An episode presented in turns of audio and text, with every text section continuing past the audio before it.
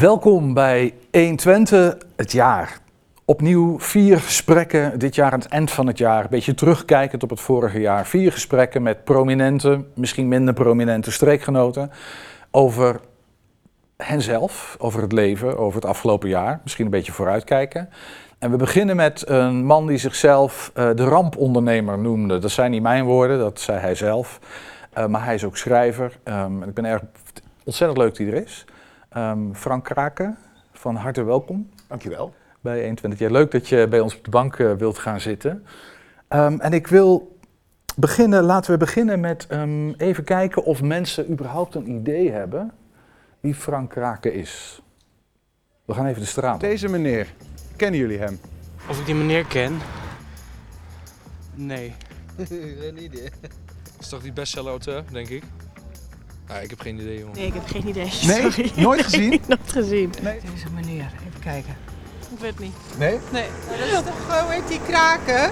Ja, Ja. ja, wat goed. Iedereen We hebben iemand die, die hem kent. Nee, dat is helemaal. Als u hem zo ziet, uh, wat denkt u dan? Is hij een bestseller-auteur, een docent van het jaar of een spiritueel leider? Nou, zo hippie ziet hij er niet uit. Dus ik denk niet dat hij, dat hij een uh, spiritueel leider is. Bestseller hotel van het jaar, spiritueel leider? Nee, ik ken hem niet. Nee, het spijt me. Docent van het jaar. Auteur. Ik denk een docent van het jaar. Bestsellerauteur. Docent van het jaar? Ziet hij er zo uit? Ik heb geen idee. Nou ja, ik kom er ergens wel bekend voor. Doe maar gewoon uh, de bovenste. Bestseller-auteur. Ja. ja, gewoon omdat het kan. Ja, omdat het kan. Maar ziet hij eruit als een schrijver? Daar ga je in. Uh, of docent van het jaar of spiritueel leider. Maar hij kan ook bestseller-auteur zijn. Dat klopt inderdaad. Ja. Het is één van die drie. Oké. Okay. nou ja, eerder, eerder, eerder, dan nog docent van het jaar dan, uh, dan die andere twee. Nou, dan neem ik aan dat hij uh, auteur is. En welk vak geeft hij dan? Geschiedenis. Juridisch misschien? Dat weet ik niet. Aardrijkskunde? Ja, wel meer richting talen dan uh, techniek. Hij lijkt op mijn oude wiskundeleraar. Oh. hij lijkt me wel een leuke leraar. Als ik hem zo zie, dan uh, doet hij me aan veel oud-leraren denken. Is hij strenge docent? Niet heel streng. Nee. Hij kan goed opschieten met uh, scholieren. Ja. Denk het wel. Strenge docent? Uh, maar ervaren. Streng maar ervaren. Streng, doch rechtvaardig. Ja, precies. Wiskunde. Wiskunde. En u zegt de bestseller-auteur. En uh, wat voor boeken schrijft hij? Kinderboeken. Kinderboekenschrijver. Ja. Oh, ja. Geen idee, ik ben geen boekenlezer. Ik uh, lees alleen maar de krant. Als het een schrijver is, kinderboeken. Wel misschien pittige romans of zo. Pittige romans? Ja, dat denk ik. Dan doet hij iets met romans en toch wel een klein beetje wat niet echt allemaal verzonnen is. Eén ding is zeker, hij is onze gast. Maar ja, wie is hij nou eigenlijk echt? Mooi. Ja, Frank. Ja, nou, er valt nog een wereld te winnen, hè? zelfs in, uh, in Twente, dat blijkt. Dat blijkt, hè? Ja. ja. ja. Wat, wat, wat had het kunnen zijn? Je bent bestsellerauteur, um, dat, dat, is, dat is het juiste antwoord. Wat had het ook kunnen zijn? Uh, was leraar een optie geweest? Nee, ik, ben, ik heb geen geduld. Dus um, ik, ben, uh, ik hoorde leraar geschiedenis. Nou, ik ben natuurlijk geïnteresseerd in geschiedenis. Ja. Uh, dus daar ligt wel mijn interesse. Maar uh, het, voor het vak van leraar heb ik enorm veel bewondering. Want je moet uh, dingen uitleggen en soms wel twee of drie keer. En daar heb ik absoluut geen geduld voor. Ja, ongeschikt. Je moet ook weten wat je niet kunt. En veel van jouw boeken nou ja, die hebben inderdaad heel veel geschiedenis en veel uitleg. En het zijn feitelijke boeken, historische boeken. Hè. Het is geen fictie, maar waar, waar gebeurt. Was een optie geweest, spirituele leider? Had dat, uh, zit dat in je? Of, uh... Nee, totaal niet. Ik heb een boek over sectes geschreven. Dus uh, ik heb ook het gevaar ervan gezien. Ja. daar blijf ik verre van. Ja, het gevaar, maar ook de mooie kanten volgens mij. Want zowel Wim Alleserij, hè, een ja, ja, van nee, maar ik even op het boek Hannelore, wat, ja. wat over een secte gaat. En daar, Ja. daar hangen natuurlijk heel veel bezwaren kleven daaraan. Maar nee, um, het schrijven van boeken vind ik prachtig om te doen. Ja. Ja. Hey, voor we het over de boeken gaan hebben, daar komen we ongetwijfeld uh, uh, aan toe. Um, ben ik even heel benieuwd naar Frank de Jonge. Ja. De jonge Frank, eh, kunnen we ook zeggen. Maar je, ik, ik, was even in verwarring, want ik hoor, ben je nou geboren in Almelo of in? Ik ben geboren in het ziekenhuis in Almelo. Kijk. Ik heb dus in mijn paspoort Almelo staan. Ja. En daar ben ik trots op. Um, ik ben ge getogen in Wierden. Ja. Onder de rook van Almelo. Ja, dat, dat Um, steenworp afstand. ja, en, en tegenwoordig is Wierden wat, wat groter geworden. Destijds was het volledig gericht op Almelo. Er gebeurde niet zoveel. Nee. Dus ik ben uh, ja, tussen Wierden en Almelo opgegroeid, in Almelo naar school gegaan. Dus daar ligt wel degelijk uh, ligt daar een link. Ja, want ik zag op Wikipedia uh, Wierden staan en ik hoorde, uh, dat moet Almelo zijn. Toen dacht ik al, dat is vast een ziekenhuiskindje. Exact, ja, ja. Geboren in het Elisabeths ziekenhuis. Ja. Ja. En in wat voor gezin um, kwam Frank Kraken terecht? Ja, ik ben de enige thuis. Eh, dat wil zeggen geen broers en zussen. eh, als enig kind. En eh, mijn vader heeft vanaf dag één zich voorgenomen.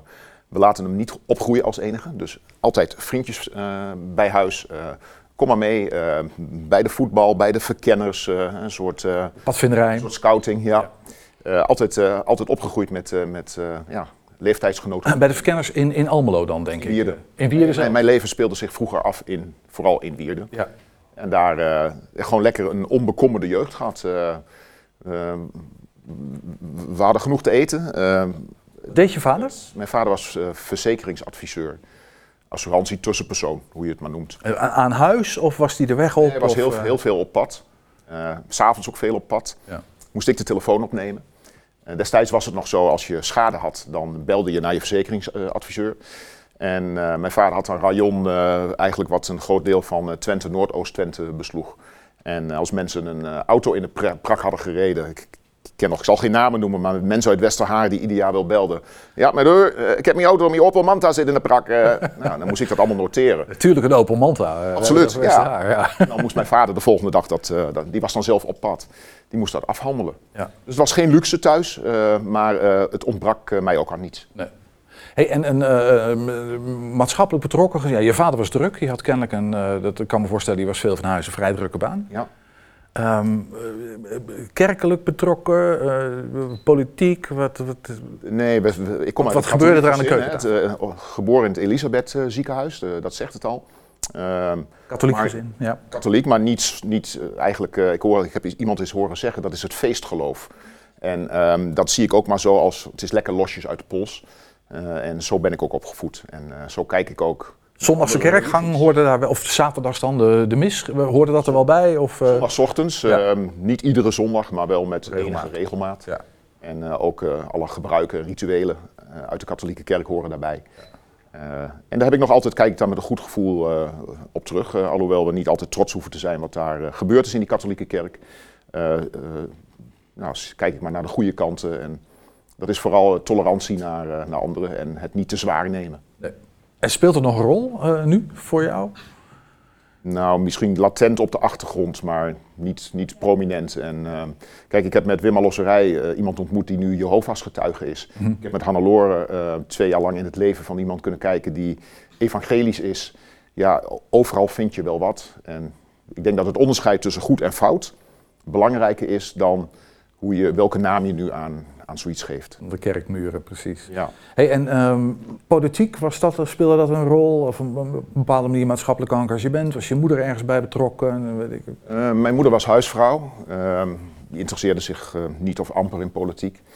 Mijn vader, eh, van huis uit denk ik een CDA, maar eh, naarmate hij meer met, eh, met het verzekeringskantoor bezig was en ging ondernemen, meer richting de VVD eh, getrokken.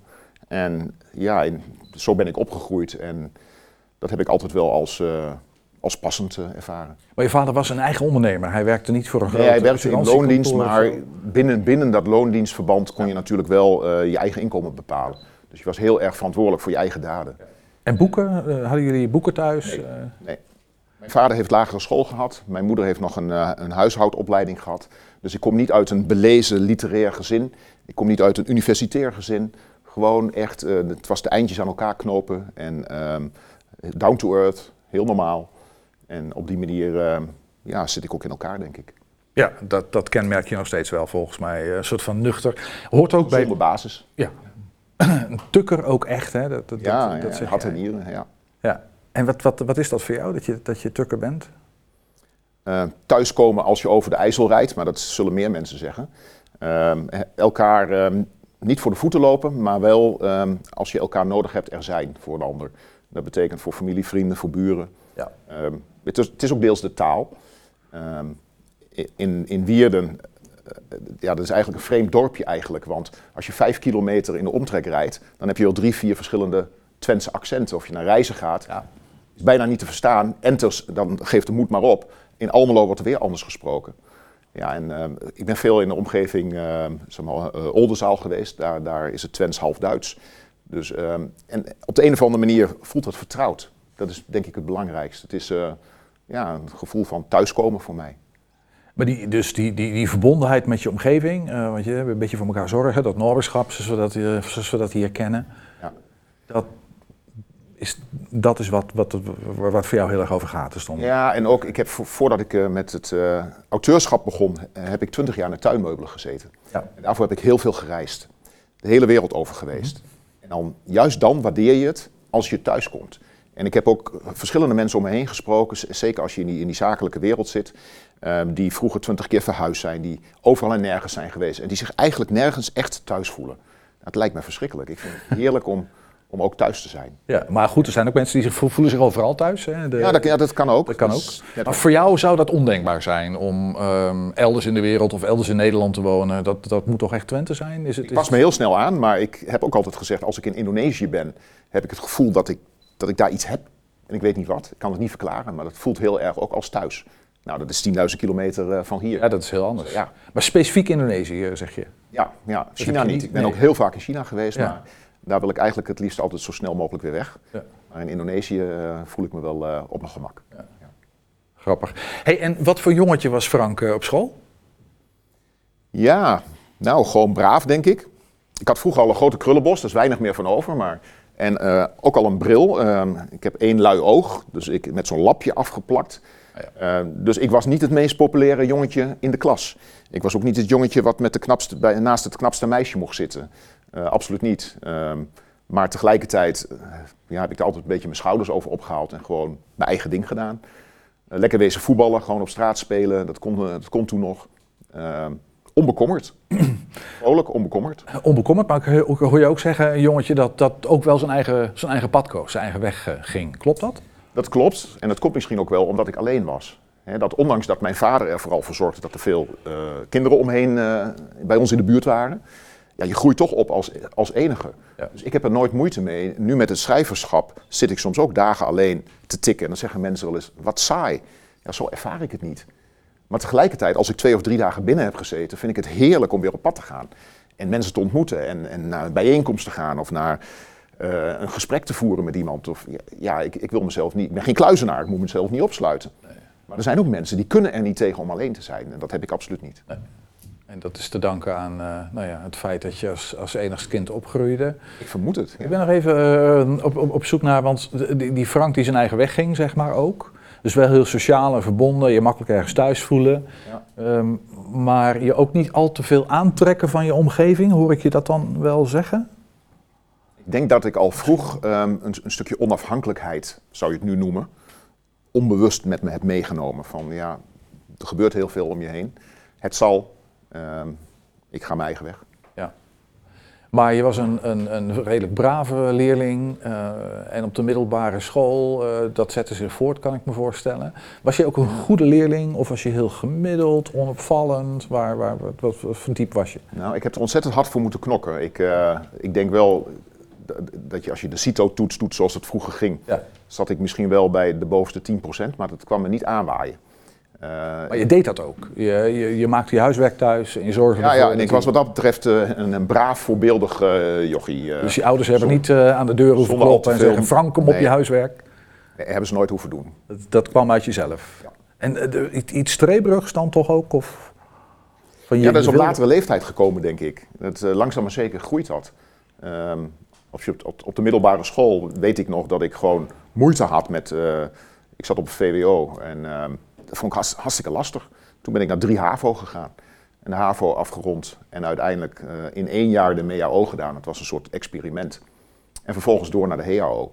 En dat in drie jaar afgerond. afgerond. En we waren met een hele groep jongens. En eh, ik had zoiets, eh, er werd regelmatig gekaart en dan deed ik mee, maar tot een bepaalde hoogte. Want als ik zou blijven zitten, het, de HAO-opleiding werd vier jaar, dan kostte me dat en een jaar blijven zitten. En ik kwam in een nieuwe vierjarige stroming, dus kostte me twee jaar. Dus het was een mooie drive om te zorgen van, eh, ja, eh, zorg dat je het binnenhaalt. En toen heb ik wel geleerd van, als je ergens naar streeft, als je een doel stelt en je gaat eh, recht op dat doel af en je haalt het, dan geeft dat een enorm stuk ja, bevrediging. Dat is gewoon een lekker euforisch gevoel. Ja, precies. Ja.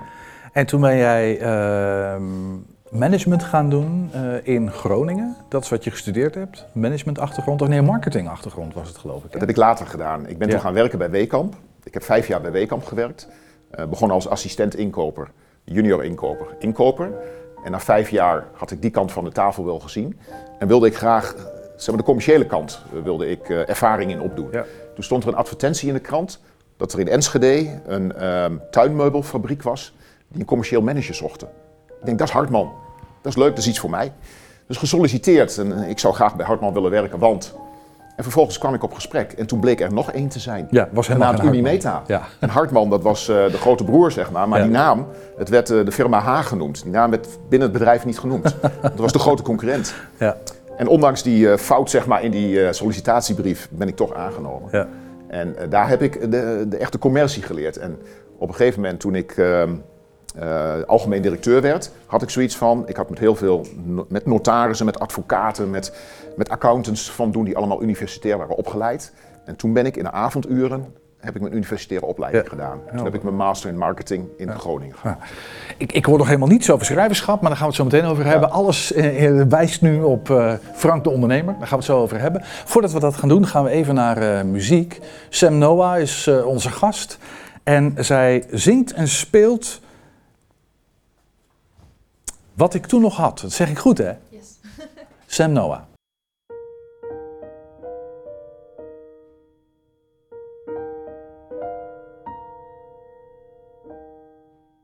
De zon was al vroeg op.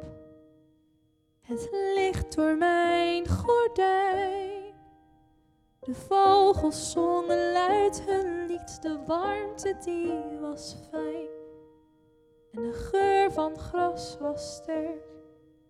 Veel sterker dan vandaag.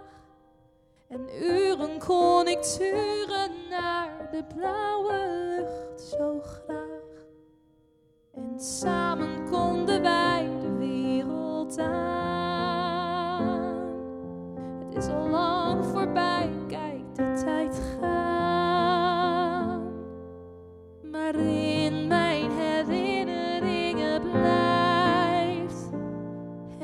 bestaan.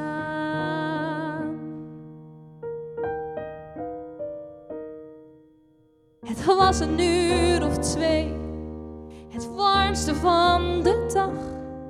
Maar het maakte ons niet uit, we liepen nog steeds met een lach. En gewapend met de fiets bezetten we het hele dorp.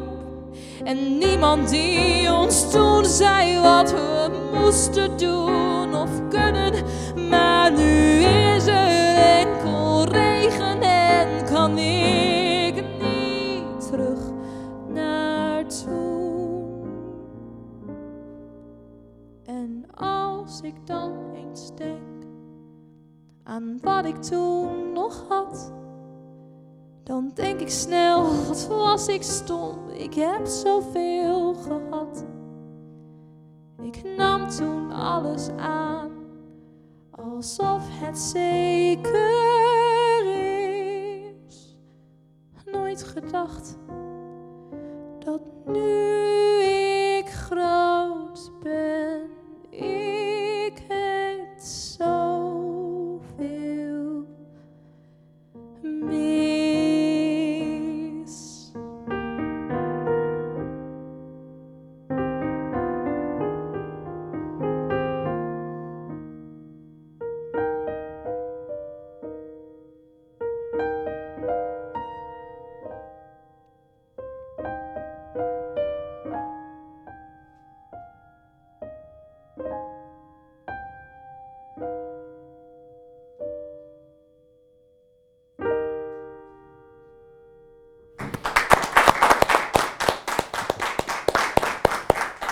Sam Noah was dat. Dankjewel Sam, mooi. Frank, we hadden het al over, ik ik noem het al even in de inleiding, de rampondernemer. De, hele inleiding was ook, nou ja, richting het ondernemerschap, eh MEAO, HAO, uiteindelijk een eh, marketingstudie in Groningen Ja. en tuinmeubelen. Ja, Ik las in een van je interviews dat, eh, ja, dat, dat is een, een hele innoverende tijd geweest in allerlei opzichten. Ehm, dat bedrijf waar jij terecht kwam, niet Hartman, de naam die niet genoemd mocht worden, maar dat andere Unimeta. bedrijf, eh, Unimeta. ja.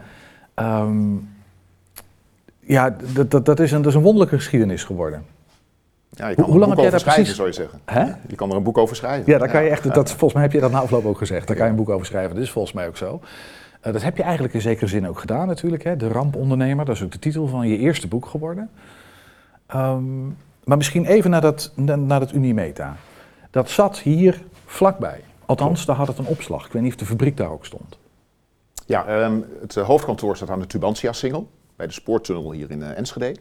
Ehm, en op de Bamshoeve, zo heette da- die opslag. Ja, dat, we Ehm, zitten hier op de Bamshoeve feitelijk. Ja, ja, in feite wel. Het, eh, dat, ik denk dat het een, eh, een meter of 100, 200 hier van deze plek eh, af was. Daar hadden wij onze opslag. 16.000 vierkante meter. We waren de grootste huurder van het complex.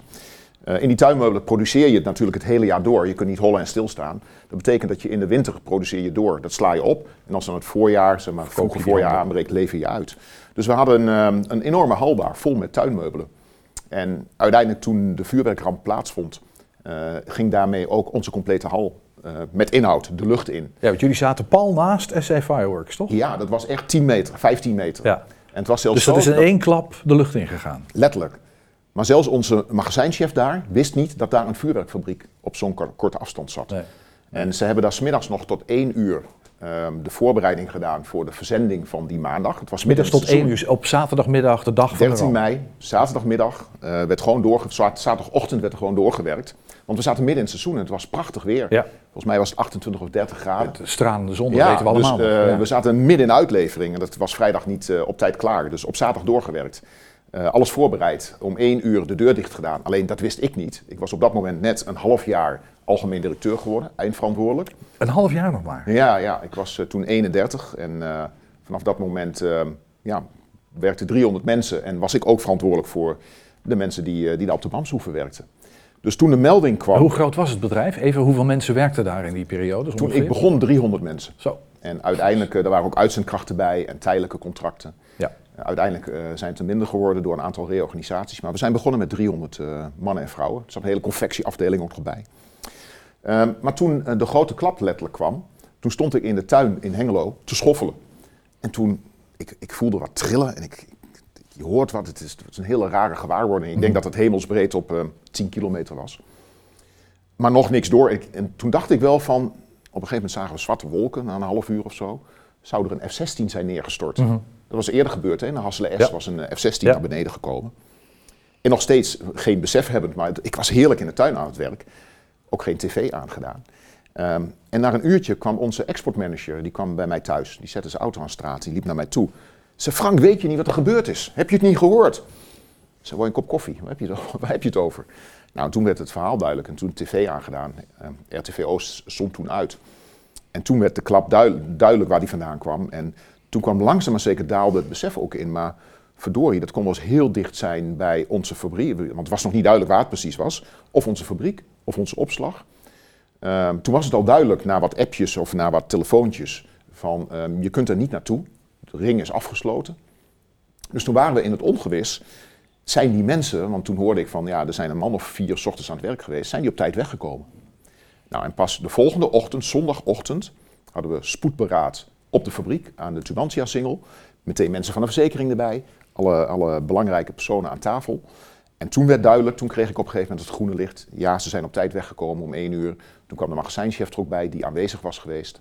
En eh, toen werd langzaam maar zeker de impact van alles weer duidelijk. Maar Ja. ons geluk was geen doden en geen echte gewonden. Een paar li- Nee. lichte schrammetjes, maar Ja. onder het personeel geen gewonden. Dus Maar een dat enorme economische schade. Jullie waren op Grols na de grootste, klopt. Ehm, de, de, de, Ja. degene die de grootste schade hadden. Omgerekend 6,5 miljoen euro. Ja, dat zijn natuurlijk alleen maar centen, maar dan nog.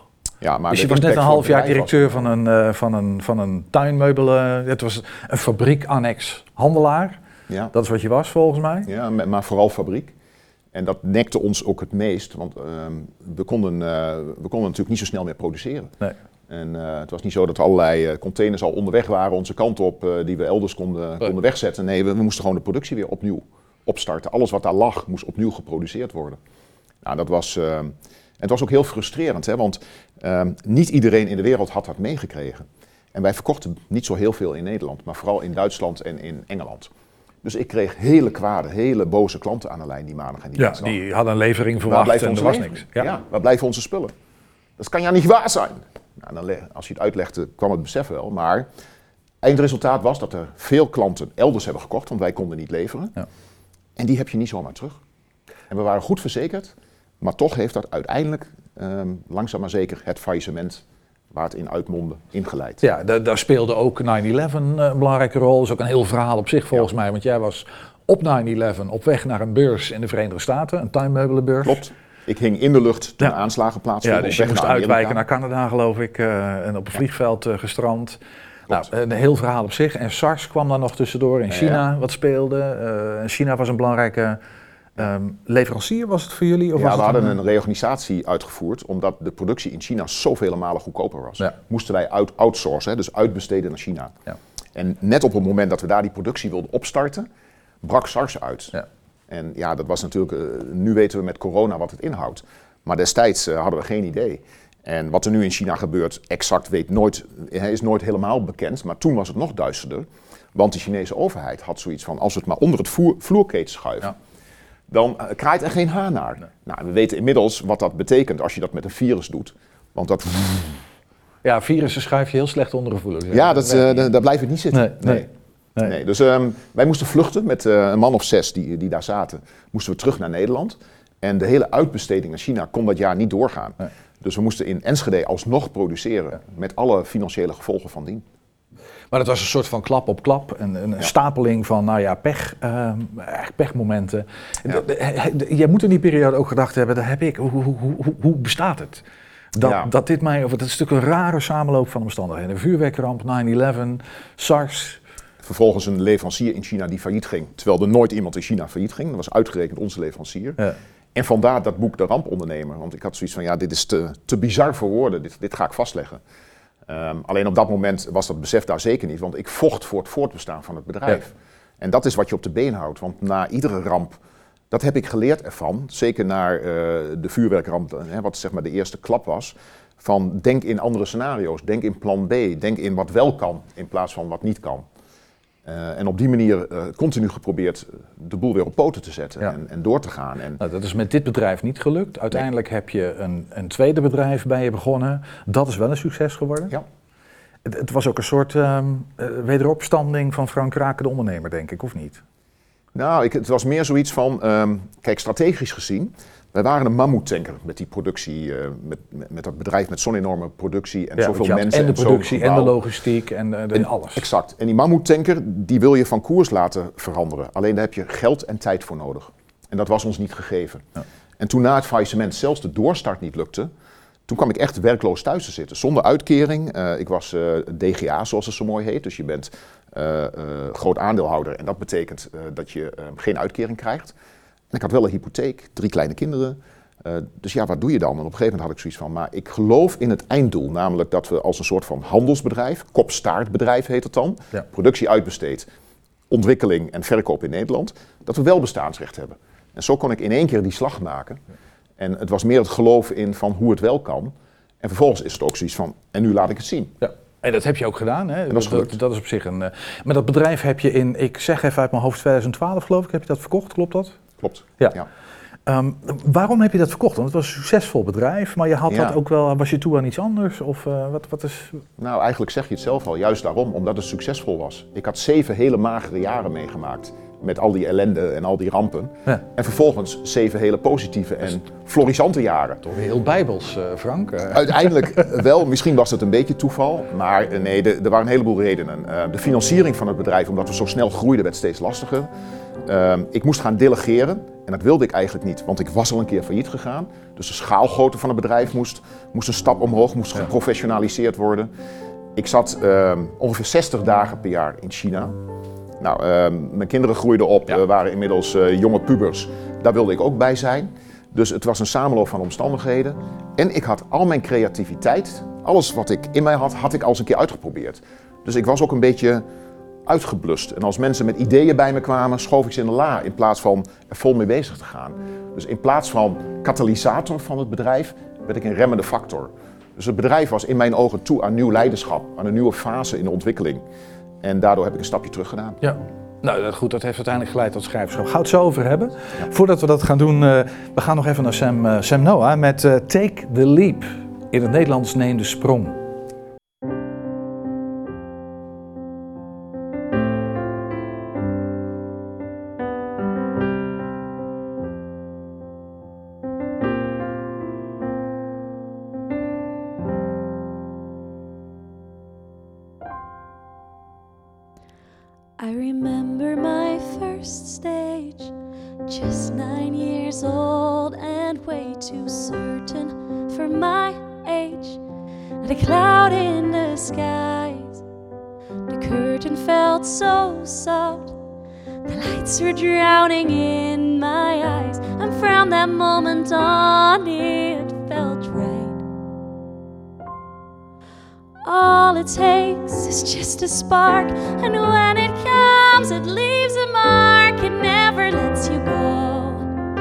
The stage is now your home, but a stream forgot to mention there isn't space for two.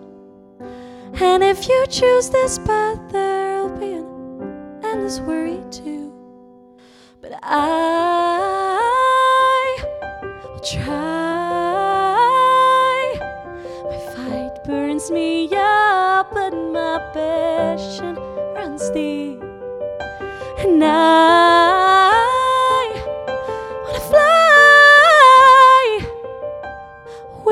this be my dream that I can keep? Do I take the lead?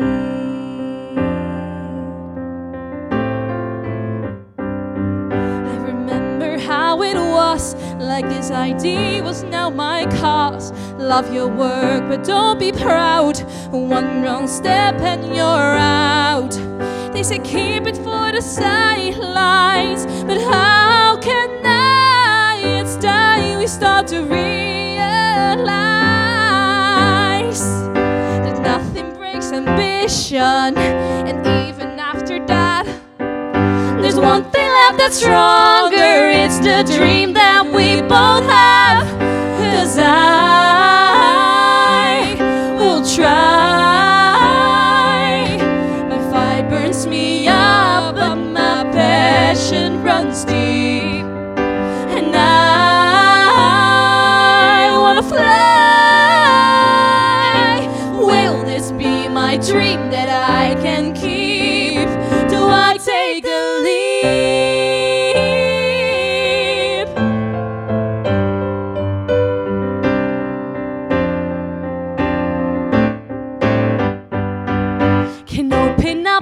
a cry, keep smiling through, just not a lie. Voices turn to spears when all you needed were just pens. Can't say no, can't make mistakes. On the stage, you gotta stay effortlessly perfect every day.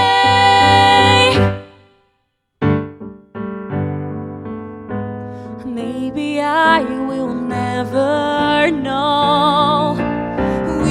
so much more to show. Here I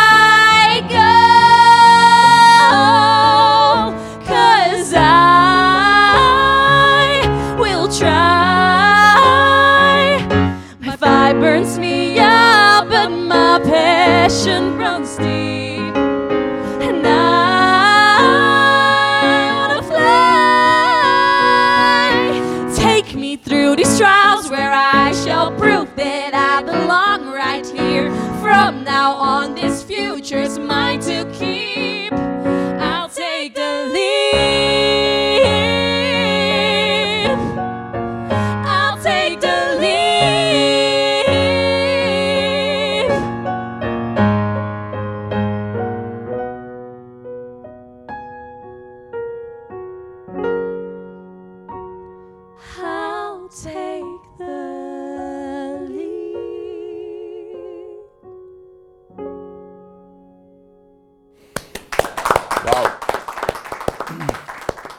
I Take the Leap, Sam Noah was dat. Sam, wie heb jij meegenomen? Emma, Emma Timmermans.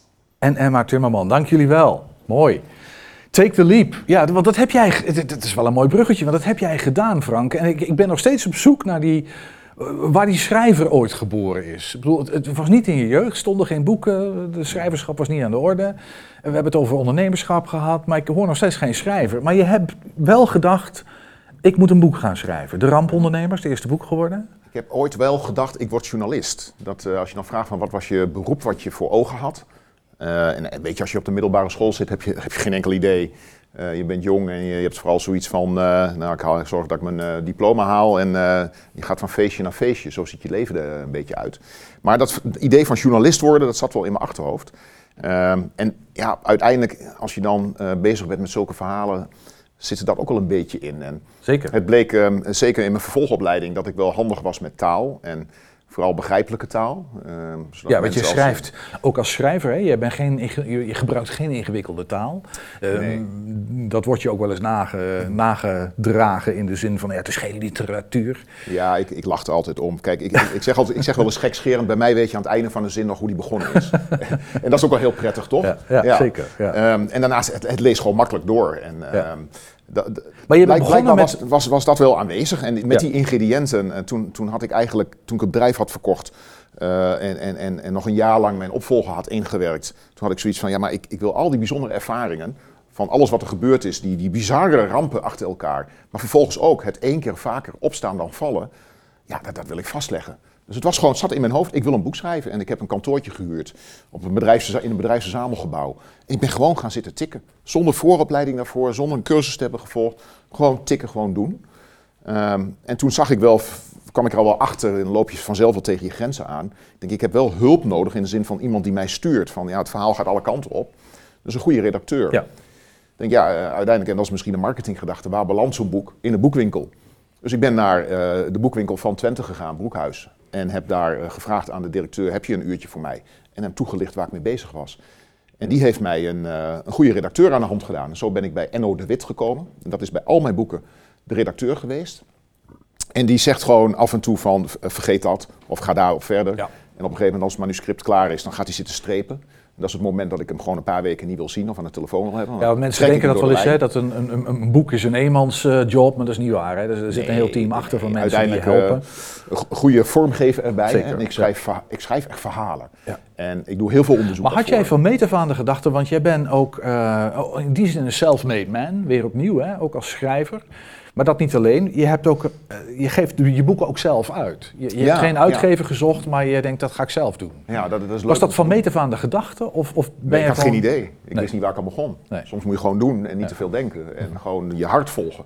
En ik had zoiets, ik wil een boek schrijven, dus ga ik dat doen. Ja. Nou, ehm, daar is de rampondernemer uit voortgevloeid. Eh, alleen dat is een mooi, een mooi verhaal. Ehm, het boek kwam uit en twee weken later belde de uitgever mij. En zei, Frank, ik heb een, eh, een vervelende mededeling. Want in Amerika hebben ze besloten, het was onderdeel van een Amerikaans concern, hebben ze besloten om eh, onze divisie op te heffen. Dus je moet je nu, nu je eigen boeken verkopen. dus dus eh, de rampondernemer was Nou, had jij geluk, had jij daar gelukkig voor doorgeleerd? Van ja, hoe- ja, hoe- wat hoe zij hebben dat? uitgebracht. Dus toen ben ik het zelf gaan doen. Ja. Ja, zo is dat langzaam maar zeker gegroeid. En toen bleek dat die drie trappen samen, dat is voor mij fantastisch. Ja. Onderzoek, schrijven, op de markt brengen, dus uitgeven. En uiteindelijk heb je iets in je hand, begin met een idee en je eindigt met een fysiek product. En iedere letter daarin, ik tik met twee vingers, dus die zijn door mijzelf op dat toetsenbord ingetikt. En Ja. ja, dat, is, dat is eigenlijk, ligt dat heel dicht bij tuinmeubelen. We bedachten iets, we ontworpen iets. Ja. Hè, je, je, je maakt iets, je creëert iets, je verandert eraan. En uiteindelijk heb je een eindproduct. En dan staat er een tuinset. En dat introduceer je op een beurs en dan moet het verkocht worden. Nou, in dit geval doe ik dat met een boek, met een verhaal. Ja. Ja, ik, dat, ja, je haalt me, je maait me gras voor de voeten weg. Dat was een van mijn vragen. Wat is het verschil tussen tuinmeubelen en boeken? Maar dat lijkt heel erg op elkaar, hè? Nou, je kan er allebei op zitten. eh, Ja. dus, Ja. eh, maar het lijkt meer op elkaar. Het vak erachter Ja. lijkt meer op elkaar. Nou ja, maar het is ook omdat jij, de- de- de- misschien dan noodgedwongen, maar uiteindelijk is je dat goed bevallen. Dus dat heb je doorgezet. eh, omdat je dat hele proces zelf ehm, in de hand hebt en in de hand houdt. En het, het, het leidde tot een soort van aan, nou, bijna aandoenlijke beelden. Vergeef me eh, dat woord aandoenlijk. Maar ik, ik zag bij De Wereld Draait Door dat filmpje dat jij op het station handtekeningen staat te verzamelen voor die NS Publieksprijs. Ik bedoel, zo ver gaat dat. Dat klopt, ja. Dat beeld wat je hebt gezien was in Zutphen. Maar ik heb hier ook op het station in, eh in Enschede Gewoon handtekeningen verzamelen, mensen stem op ja, mij. nou, ik, ik wilde graag dat Wim Alloserij een laatste eerbetoon kreeg. Ja. En al die literaire prijzen, je zei het net al, ik schrijf geen hoogstaande literatuur. Dus ik kom nooit in aanmerking voor een of andere prijs. En dat geeft niet hoor. D- dat is zoals het is. Maar met de NS Publieksprijs heb je wel een zevende boek met een vraagteken. Waarbij, nou, er is veel commotie geweest afgelopen jaar daarover. Waarbij je je eigen boek kunt voordragen. Ik denk, dat is een kans. Ik zie dan vooral de kansen ervan. Ja. En je zat Maar- ook aan tafel eh, bij ja, het is, gelu- Wereld het is gelukt. Ik, eh, ik had zoiets van, ja, met eh, al die digitale stemmen, dan weet ik nog niet wat er gebeurt. Daar gaat me niet overkomen. Ik heb gewoon twee plexiglazen boxen vol met papieren stemmen. 7000 waren het er. Die heb ik naar de Herengracht in Amsterdam gebracht. En waarschijnlijk dachten ze daar, wat is dat voor een idioot die aan de bel staat? Zei, dit zijn de stemmen. Nou, toen kon men er niet omheen. En toen eh, kreeg ik een uitnodiging om aan te schuiven met die zes auteurs die genomineerd waren. Ja. Was ik de zevende. Ja, ja dat, het, het- ik, het is prachtig. En ik, ik moest ook onmiddellijk denken aan een van de, van de hoofdpersonen uit, uit een van jouw boeken. eh, Mr. Mental. Ja. Ook een, een babbelaar, een, eh, een marktkoopman, een marskramer, charmeur. Overeenkomsten met, eh, met Frank Kraken? Nou, wel het eh, verkopen van je eigen product. En, eh, ja, want even hè, voor, de, voor de mensen die het niet weten. Mr. Mr. Mental was de eerste zwarte Hengeloer. Nou, dat was zelfs de eerste zwarte man. met een... Ja, de eerste zwarte man buiten de Randstad zo'n beetje. Ja. Ehm, en die ehm, is in Hengelo gaan wonen. Trof het mooiste meisje van Hengelo, Roosje. Is met haar getrouwd. Is in Hengelo gaan wonen in 1927. In Twente, maar ook buiten de Randstad. Had nog nooit iemand de zwarte man gezien. Kleedde zich als een dandy. Was fantastisch. en Had een fantastische pakker had hij aan. Ehm, en verkocht tandpasta op de markt. Baba Yaba tandpasta. hij heeft de Nederlanders aan, aan, aan de tandenpoetsen Absoluut. gekregen. Want dat deden wij in die tijd nog niet. Wij deden zout op onze vingertoppen en dan schuurden ja. we mee. En hij heeft ons leren Maar tanden goed, ook, ook, ook zo'n man die, die ehm, vanuit een soort innerlijke zelfwaarde, trots op wie hij was, en zijn afkomst ook gebruikte als een soort marketinginstrument. Hè? Ja, want ik- hij was natuurlijk het, met zijn voorkomen, met zijn zwarte huidskleur en zijn mooie witte tanden. Ja. Ja. had hij zoiets van, ja, als ik tandpasta wil verkopen, dan ben ik zelf wel het beste voorbeeld. Nou was dat een verhaal dat jij kende, omdat je bent Hengeloer, althans je hebt lang in Hengelo gewoond en jouw vader, eh, volgens mij heeft jou dat verhaal van deze mentor Mijn moeder kwam uit Hengelo. En mijn opa heeft met mental zaken gedaan. Ja, exact. Dus daar kwam dat verhaal vandaan. En tegelijkertijd ontkwam ik bijna niet aan de gedachte van met deze, deze en, en, en die Frank Kraken, dat, dat, die lijken ook op elkaar. Ik had hem graag ooit eens ontmoet, ja. Ja, en ik, zie, ik herken wel de manier, dat is heel uniek hè. In de jaren 30, jaren 20, 30 van de vorige eeuw, 100 jaar geleden, communiceerde hij via de kranten naar zijn publiek. Als je zijn advertenties leest, die zijn hilarisch. En soms ook uh, tenenkrommend. Want hij werd natuurlijk ook racistisch bejegend. Ja. En op het moment dat er dingen gebeurden die hem niet aanstonden, zette hij dat, zette hij dat ook in die advertenties. Het was zijn manier om zich te uiten. En daar bouwde hij een naam mee op. Ik vind het wel opvallend, want de, de, verhalen die jij schrijft, je hebt een bestseller-auteur, dat mogen we best zeggen. Eh, ik weet niet hoeveel boeken heb je verkocht in totaal? 150.000 bij Nou elkaar. ja, dat is, in Nederland is dat, in het Nederlandse taalgebied is dat best heel veel. Dat is, en zeker als je dat zelf op de markt brengt, eh, dat, is, dat is niet niks. Dus bestseller-auteur. Maar de, de verhalen die jij maakt, we hebben Mr. Mental al genoemd, je noemde Wim uh, De Laatste Getuige, Hannelore. Dat zijn indrukwekkende verhalen. Um, en ik vroeg bijna, waar heb je die opgeduikeld of duikelen die verhalen jou op? Die komen voor een deel ook gewoon uit jouw netwerk. Het zijn voor jou bekende verhalen die jij op schrift hebt gesteld. Maar stuk voor stuk bijna te idioot om waar te zijn. Ja, da daar word ik door getriggerd. En weet je, op het moment dat je je oogkleppen afdoet en je loopt gewoon met een open blik rond en je kijkt om je heen en je luistert naar mensen, dan hoor je en zie je zoveel meer dan wanneer je alleen maar gefocust bent op één doel. En dat ben ik twintig jaar lang geweest. In die tuinmeubelen moest alles wijken. Ben ik alleen maar zo gegaan. En ik heb een bewuste keuze gemaakt. Ik heb die oogkleppen afgezet en ik ben andere dingen gaan doen en om me heen gaan kijken. En uiteindelijk is dit het resultaat. En je wil niet weten wat er aan verhalen tot je komt. En het helpt natuurlijk mee als je een aantal boeken hebt geschreven. Dan komt het naar je toe. Mm -hmm. Um, maar ook als je gewoon om je heen kijkt, als je, als je goed luistert. Er liggen zoveel verhalen, mooie verhalen op straat. En ja, het zijn hele diverse boeken. En dat komt, ik begin er alleen maar aan als het mezelf echt interesseert. Het zijn hele diverse boeken. Tegelijkertijd zit er ook een soort. Um, er is wel common ground. Er is wel een gemene deler. Het zijn allemaal mensen die door het leven getekend, geslagen. en eigenlijk één keer vaker zijn opgestaan dan ze zijn gevallen. Ja, er zit een overlevingsdrang in, denk ik. Maar dat herken ik ook in dat allereerste boek dat jij schreef, De Rampondernemer. En eigenlijk ook in de man die nou hier zit als schrijver. Het is een soort self-made gedoe. Is, is dat iets wat jou triggert in die hoofdpersonen of ga ik nou te ver? Misschien, ik, ik durf het niet te zeggen. Um, Probeer eens. Ja, waar, waarom triggert het ene verhaal mij wel en het andere niet? Er komt een nieuw boek op de markt. Je hebt de primeur. Volgend jaar, 28 maart, um, wordt het geïntroduceerd. Ook dat gaat weer over een hele bijzondere hoofdpersoon. Maar die heeft iets tragisch over zich. Dus het is niet zo dat het allemaal helden zijn en dat het goed afloopt. Soms gaat het ook verkeerd. En dit speelt zich af in de Tweede Wereldoorlog. En deze man die uh, maakt een foute keuze. Nou, daar, daar komt ook weer een boek over geschreven Foute worden. keuze in de zin van, zoals wij net de, de foute Nederlanders eh, noemen. Nou, zoals wij allemaal wel eens een foute keuze Mhm, kunnen maken. zeker. En eigenlijk, die verleiding ligt, op, ligt dagelijks op de loer. Ja. En soms is het onbewust en groeit het uit tot iets, iets heel groots of iets, iets heel vervelends. En dit is een, Kan je iets meer vertellen? Want eh, als we dan toch de primeur hebben, kom op eh, Frank. Waar, Nou, het speelt zich af in de Tweede Wereldoorlog, Ja? dat kan ik over vertellen. Eh, het gaat over een grote hunkering. Het gaat over twee mannen die elkaar tegenkomen. En ze hebben beide een hele grote hunkering. Alleen een totaal andere hunkering. En de een wordt held genoemd en de ander is een nobody. En het mooie is, het Verzetsmuseum heeft heel recent de discussie over wie is een held opgerakeld. Ja. En daar gaat mijn boek over. Gaat, Dus- is, is dit weer een streekverhaal ook? Want dit, dit zijn allemaal mensen die hier gewoond, geleefd eh, hebben of nog Het- wonen en leven. Het heeft En- een en sterke verbintenis met deze streek, Ja. maar het Is speelt dat zich- toeval, eh, Het speelt zich dat er al niet af. Ehm, misschien. Het- ik vind het lastig te zeggen. Ehm, ik, ik ben wel extra gemotiveerd als ik een mooi verhaal hoor uit deze streek, Mhm. wat ze elders in het land niet kennen. Dan voel ik mij wel zo- een soort ambassadeur van Twente om dat over de IJssel te brengen. En dat is ook iedere keer mijn, mijn uitdaging. Hè.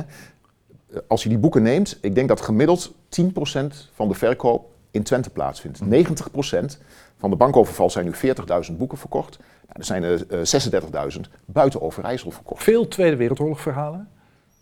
Ja. Eh, er is ook een moment geweest dat jij zei, nou ben ik die Tweede Wereldoorlog even zat. ja, na het overlijden van Wim Alosserij.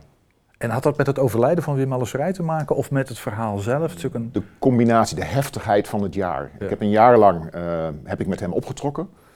Ik ben min of meer bevriend met hem geraakt, zo voelde ik het De tenminste. hoofdpersoon van de laatste getuigen. Hij was 94 jaar, had drie concentratiekampen overleefd. En ik ben aan zijn hand naar die con- concentratiekampen terug geweest.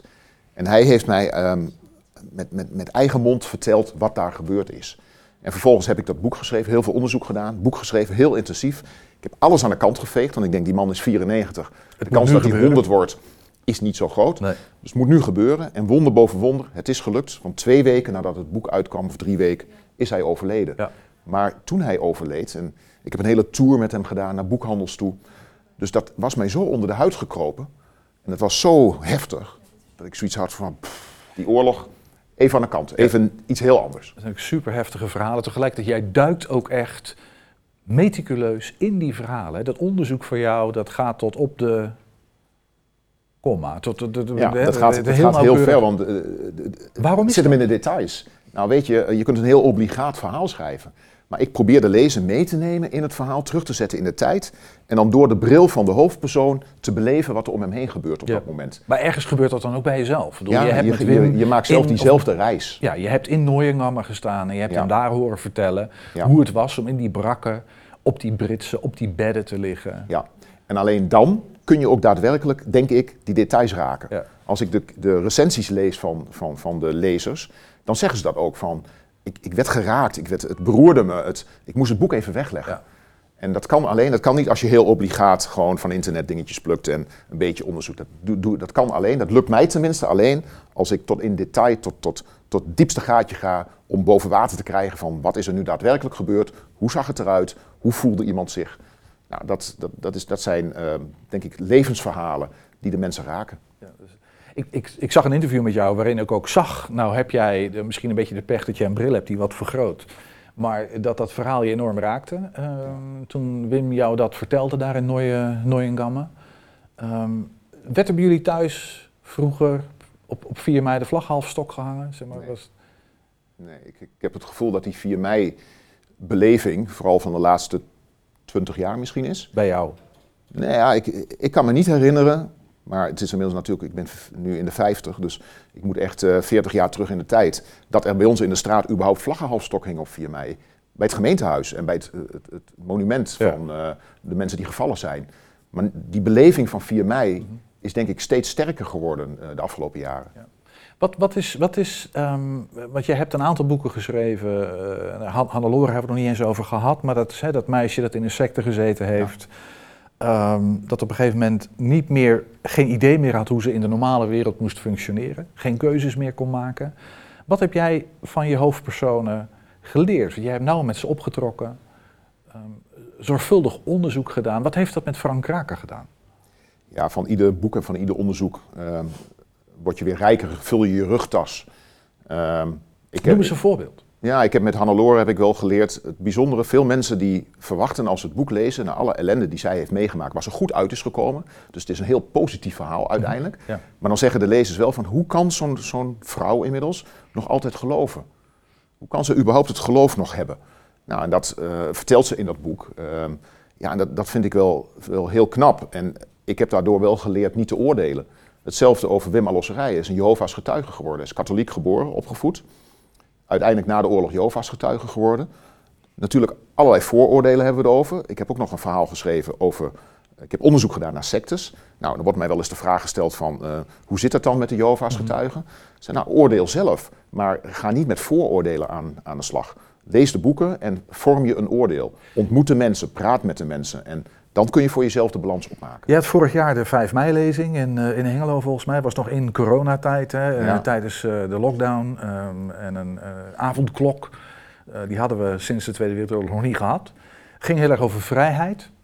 En ging heel erg over oordelen, veroordelen. Ja. En je liet heel veel vragen open, viel mij op. In die, je gaf geen antwoorden. Maar is, is, is, is dat een beetje ehm, nou ja, de Frank Raken na vijf boeken? Nou, het was ook in de context natuurlijk van de... Ik dacht dat het de 4 mei herdenking was. En dan zet je mensen aan tot nadenken. Ja. Dus je wilt dat de mensen zelf eh, nadenken. Maar wat ik met mijn boeken wel probeer te doen, is ik probeer niet alles in te vullen. Ik probeer de mensen iets mee te geven. Dat als ze het boek hebben gelezen, dat is, als het indaalt, dat ze dan na de tijd beseffen van... hé, hey, wat heb ik nu gelezen en hoe zit dat en hoe denk ik daar nu over? Dus het is een, een combinatie van. Ehm, tegelijkertijd zijn het wel afgeronde verhalen. Hè, Ik, ik lees ook wel eens boeken, het zijn met name fictieboeken. En dan heb je na afloop nog 101 vragen van, ja, hoe is het afgelopen met die, die en die? Ja, dit is waar gebeurd, dus ik vertel dat gewoon. Ja. Ja. Ooit, eh, misschien tot slot eh, van dit blokje, eh, ooit overwogen om toch fictie te schrijven of blijf jij bij de non-fictie? Ik zou niet weten of ik het kan, maar misschien moet je het dan maar gewoon doen. Het Ehm, zou niet voor het eerst zijn dat jij iets deed van je Nee, nee, wat dat betreft eh, zou het zomaar kunnen. Ehm, ik denk dat mijn kracht wel ligt bij die fictie, omdat daar het onderzoek zo enorm belangrijk is. Ehm, en het kruipen in de huid van die hoofdpersoon. Ehm, ik vind fotomateriaal, bij mij gaat beeld en tekst gaat samen en versterkt elkaar. Er zit synergie in, 1 en 1 is 3. En dat is bij fictie natuurlijk eh, veel lastiger, zo niet onmogelijk. Ja. Dus ik denk dat dit mij op het lijf geschreven is. Ik voel me daar prettig bij, dus ik, ik heb geen plannen richting fictie. Misschien tot slot toch. Word jij veel over de Tweede Wereldoorlog geschreven eh, met een, toch een boodschap van je kunt daar goed uitkomen, een boodschap van hoe belangrijk vrijheid is en hoe belangrijk het is dat we niet oordelen. Ehm, word je die eens moedeloos? We hebben nu die oorlog in Oekraïne. eh, Nee. Ik ben Nee? een positief ingesteld mens. Ik zie de wereld zonnig tegemoet. En eh, misschien mogen mijn boeken een kleine bijdrage zijn om te voorkomen dat andere mensen moedeloos worden. Maar er is zoveel moois te zien, maar het ligt eraan hoe je kijkt. Eh, met welke bril je naar de wereld kijkt. En natuurlijk is er een heleboel ellende en is een heleboel, gaan er een heleboel dingen mis. Maar als je daar continu maar op blijft hameren, ja, dan werk je jezelf de put in. Dus ik, eh, nee, ik ben een eh, optimistisch ingesteld mens. Dat is mooi om te weten. We gaan even kijken naar. nou ja, we hebben wat mensen gevraagd om iets aardigs tegen jou te zeggen. Altijd leuk, toch? Tien jaar geleden ontving ik een e-mail van de voor mij onbekende Frank Kraken. En daarin vertelde hij dat hij tijdens een bezoek aan de Verenigde Staten eh, twee gesigneerde voetbalshirts had gekocht. En dat hij benieuwd was of zoiets ook überhaupt in, in Nederland bestond. Nou, ik was zelf net begonnen met mijn eigen bedrijf in sportsmemorabilia. Uh, Frank had net zijn bedrijf verkocht uh, en had, was wel toe aan een nieuw avontuur. Dus we hebben een paar kopjes koffie gedronken en toen was de hand van Maradona BV geboren. Uh, nou, dan werd me even gevraagd om even iets in te spreken voor jou voor deze uitzending. Nou, dat doe ik natuurlijk met veel plezier. Ik werk al heel lang samen met Frank Kraken. En zeker in het boekenvak heb ik heel vaak de vraag gehad: hoe doet die Kraken dat toch? Hoe doet die Kraken dat toch? Al die boeken verkopen. Is Kees Schafgaard, Boekhandel Boekhuis. Je snapt, de boekenwereld is een hele serieuze wereld en daarom ben ik ook blij dat jij daar enige luchtigheid uh, in brengt. Uh, ik wil sowieso even uh, mijn waardering uitspreken voor de, de drive en de, energie die je altijd in je boeken steekt. En uh, ongelooflijke uren, veel uren die je aan besteedt. En, dat maakt het voor mij als grafisch ontwerper ook erg prettig om samen te werken. Dat het altijd zo goed voorbereid is. En... Ja, hij is, hij is iemand die voor zijn doel gaat. Hij is creatief, hij kan, zoals dat heet, out of the box denken. Het is een doorzetter, niet te vergeten. En als hij het in zijn kop heeft dat hij boeken gaat verkopen, dan eh, verkoopt hij ook boeken. En heel veel boeken. Eh, dit jaar heb je ons meegenomen in een bijzonder verhaal. De grootste bankoverval aller tijden. Alweer een prachtig verhaal uit je eigen regio, je geboortestad notabene. eh die je naar een groot publiek weet te brengen. En hopelijk ook naar een eh, eh, publiek wat buiten Nederland gaat wonen. Jouw verhalen verdienen het. En niet alleen het verhaal is bijzonder, maar ook de manier waarop jij aan die verhalen komt, hoe je ze bewerkt en met name ook hoe je ze de markt inzet, is natuurlijk buitengewoon. Er is werkelijk niemand in het boekenvak, en dat kan ik met gerust hart eh, stellen, na al die decennia in, in het vak, die eh, alle rollen al, eh, in zich eh, weet te combineren. Van bedenker, initiator, ook het vele onderzoek wat in al die boeken zit. Ook de promotor, het onvermoeibare wat jij met je mee hebt. En ja, ik ben altijd jaloers op jouw charme, waarmee je dan blijkbaar toch bij iedereen eh, eh, binnen weet te komen. En een mooie bijdrage weet te ontfutselen. En dat is zeer bewonderenswaardig. Maar wat ik ook echt heel erg bijzonder aan Frank vind, is dat Frank is enorm lief. Een van de liefste mensen die je kent. Hij is eh, warm, hij is betrouwbaar, hij denkt altijd aan anderen. En eh, wat dat betreft eh, ben ik gewoon heel erg blij dat ik al die jaren eh, samen met Frank al die mooie boeken heb kunnen maken. Maar ook dat we ook eh, los van die boeken gewoon eh, hele mooie dingen hebben beleefd. En ik hoop dat we dan nog eh, een paar boeken hierna nog veel samen mogen maken. Dus eh, succes. En ik hoop, ik weet zeker dat we elkaar in de toekomst met bankoverval of het vervolg of wat je ook allemaal gaat eh, blijven doen in de regio en voor het boekenvak blijft, eh, blijft doen. Dus eh, ik wil zeggen, mooie feestdagen en tot in 2023. Deze laatste meneer heeft zichzelf keurig voorgesteld. Kees Schafvaat, eh, de directeur van, eh, van Boekhandel Broekhuis. Wie, wie zijn die andere mannen? Ja, eh, Paul Scheurink is de ontwerper. De, de, het ontwerp is ontzettend belangrijk voor mijn boeken. En eh, dat is iemand die inmiddels eh, kunnen lezen en schrijven met krukje bij de elkaar. kerstboom, toch? Met de kerstboom op Ja, de achtergrond. precies. Topontwerper, echt. Hij maakt pracht, prachtwerk. Ehm, Enno de Wit, dat is de redacteur. Waarover ik vertelde, vanaf het eerste boek ben ik met hem gaan samenwerken. En dat is de man die ik, nadat hij zijn werk heeft gedaan, drie weken niet wil zien of horen. Want hij zet strepen door manenwerk. Dat is verschrikkelijk. maar hij is heel goed. Ehm, en ehm, de andere man is ehm, Harmjan Deuring. Dat is mijn compagnon bij eh, de hand van Maradona. Hij is de, gro- de grote man daar. Toch heel even, de hand van Maradona. Dat is die hand van God, hè? Die, Ja, eh, ja, Het, beroemde... Ja. eh, we hebben het WK net weer achter Gisteren weer aan denken. Ja. Wat heb jij met, met, met, met die hand van Maradona? Ik en dan was- heb ik het niet over het bedrijf, maar sport. Sport. Ik ben een ontzettend sportliefhebber. Ik keek vroeger op zondagen met lijsten naast mij naar de 10 kilometer schaatsen. En dan vulde ik al die tussentijden in. Eh, maar ik, eh, ik heb op, op, op de lagere school eh, korfbal ge- gespeeld, terwijl ik echt een voetballer was. Toen kwamen ze aan de deur of ik niet bij de korfbalclub wilde. Dus eh, eigenlijk heel breed in sport. En ja, dit, dit brengt gewoon het mooiste van sport samen, namelijk de verering van helden. Het op een voetstuk zetten van helden. En dat zijn we in Nederland niet gewend. Dat is eigenlijk typisch Amerikaans.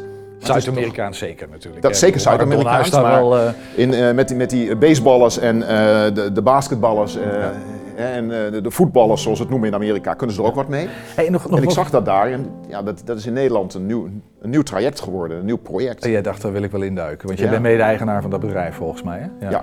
Hey, en eh, eh, jij schijnt heel lief te zijn. Ja, ik hoor het, ik ben verrast. Ja. Ik, ik, ik, ik, kom daar even op omdat jij ergens in een interview over die Chinezen zei van ik zou ze wel voor een bek willen slaan af en toe. Ja, ja dat klopt. De- volgens mij ben je ergens ook heel erg, ben je eigenwijs? Ja, ja dat, Dat moet wel op jouw manier gebeuren. Ja, ja. Ja, oké. Tenzij iemand mij van het tegendeel weet Ja, ja, moet je met hele goede Ik- argumenten Ik luister komen. wel. Ik, Ja. Het is niet zo dat... Nee, eh, nee. Dus ik ben eigenwijs, eh, zolang eh, iemand anders het tegendeel niet bewijst. Ja. Hey, volgend jaar het over gehad. Eh, we zijn erg benieuwd naar een nieuw boek. We gaan nog even de straat op voordat we echt gaan afsluiten, Frank. Hij is eh, Frank Kraken. Hij is bestseller-auteur uit Hengelo. Oh wel. Kijk, Ja. leuk. Hij schreef bijvoorbeeld Hannelore, het meisje uit de secte, een waar gebeurd verhaal. Maar ook De Laatste Getuige over een man die drie concentratiekampen en een scheepsramp overleefde. Dat is wel heftig. Ja, toch? Ja. hij doet het goed blijkbaar. Hij doet het goed, ja. Er worden ook nog televisieseries van gemaakt bijvoorbeeld. Nou, kijk, dan is het goed, heeft hij het goed eh, gedaan. Ah, Nou ja. Ja, Frank Kraken hier uit Hengelo. Oké. Zo? Ja. Zo. Wat heeft die man veel te vertellen aan zijn kleinkinderen later? Nou, Goed, heb ik weer wat geleerd. Ja, ja maar zo'n wiskundeleraar was ik hem, eh, had ik hem ook gegeven. Wij spreken hem aan het eind van het jaar. Heeft u nog een eindejaarsboodschap voor Frank? Een jaar voor Frankie Boy. Voor Frankie? Nee, Frankie. Fijne feestdagen. Fijne feestdagen. Ik hoop op een iets leukere montuur, bril. iets van Tom Ford of zo. Maar eh, ja, eh, ga zo door met wat je doet. Super. Ja, mooi dat iemand het Hengelo toch eh, zoiets bereikt. Gewoon blijf gezond en ga lekker door. Nou ja, ga zo door, schrijft er nog meer. Kan niet lekker verdienen. Nee, jij zal het niet lezen. Ik zal het niet lezen, nee, ik ben geen boeken lezen. Fijne dagen. ga door en blijf gezond en wees gelukkig. Ja. Leuk toch? Ja. Frank, tot slot, wat wens jij ons toe? Gezondheid, dat is een dooddoener, maar wel het allerbelangrijkste natuurlijk. Eh, en ik besef dat ik veel ellende heb meegemaakt waardoor ik de ramponderneming kon schrijven. Maar als ik niet een stabiel thuisfront had gehad en zelf gezond was gebleven en een gezonde omgeving had gehad, in alle opzichten, had dat nooit gekund. Dus het is de basis voor alles. En natuurlijk eh, gewoon veel plezier. Heb, eh, heb plezier in wat je doet. En ja, ik, ik ben een optimist en ik hoop dat ik dat een beetje mee mag geven aan de mensen. Dat ze positief en optimistisch naar 2023 gaan kijken. Dankjewel, Frank, eh, voor dit gedaan. uurtje. Het, het vliegt voorbij. We hadden Ja, nog dank voor de uitnodiging. Ja, we hadden nog Ja. makkelijk een uur door kunnen gaan, wat mij betreft. Maar eh, fijn dat je er even was. Dit was ehm, de eerste van een aflevering, of van, van een serie van, van, van vier. Frank Raak op de bank. Morgen zijn we terug met een volgende gast.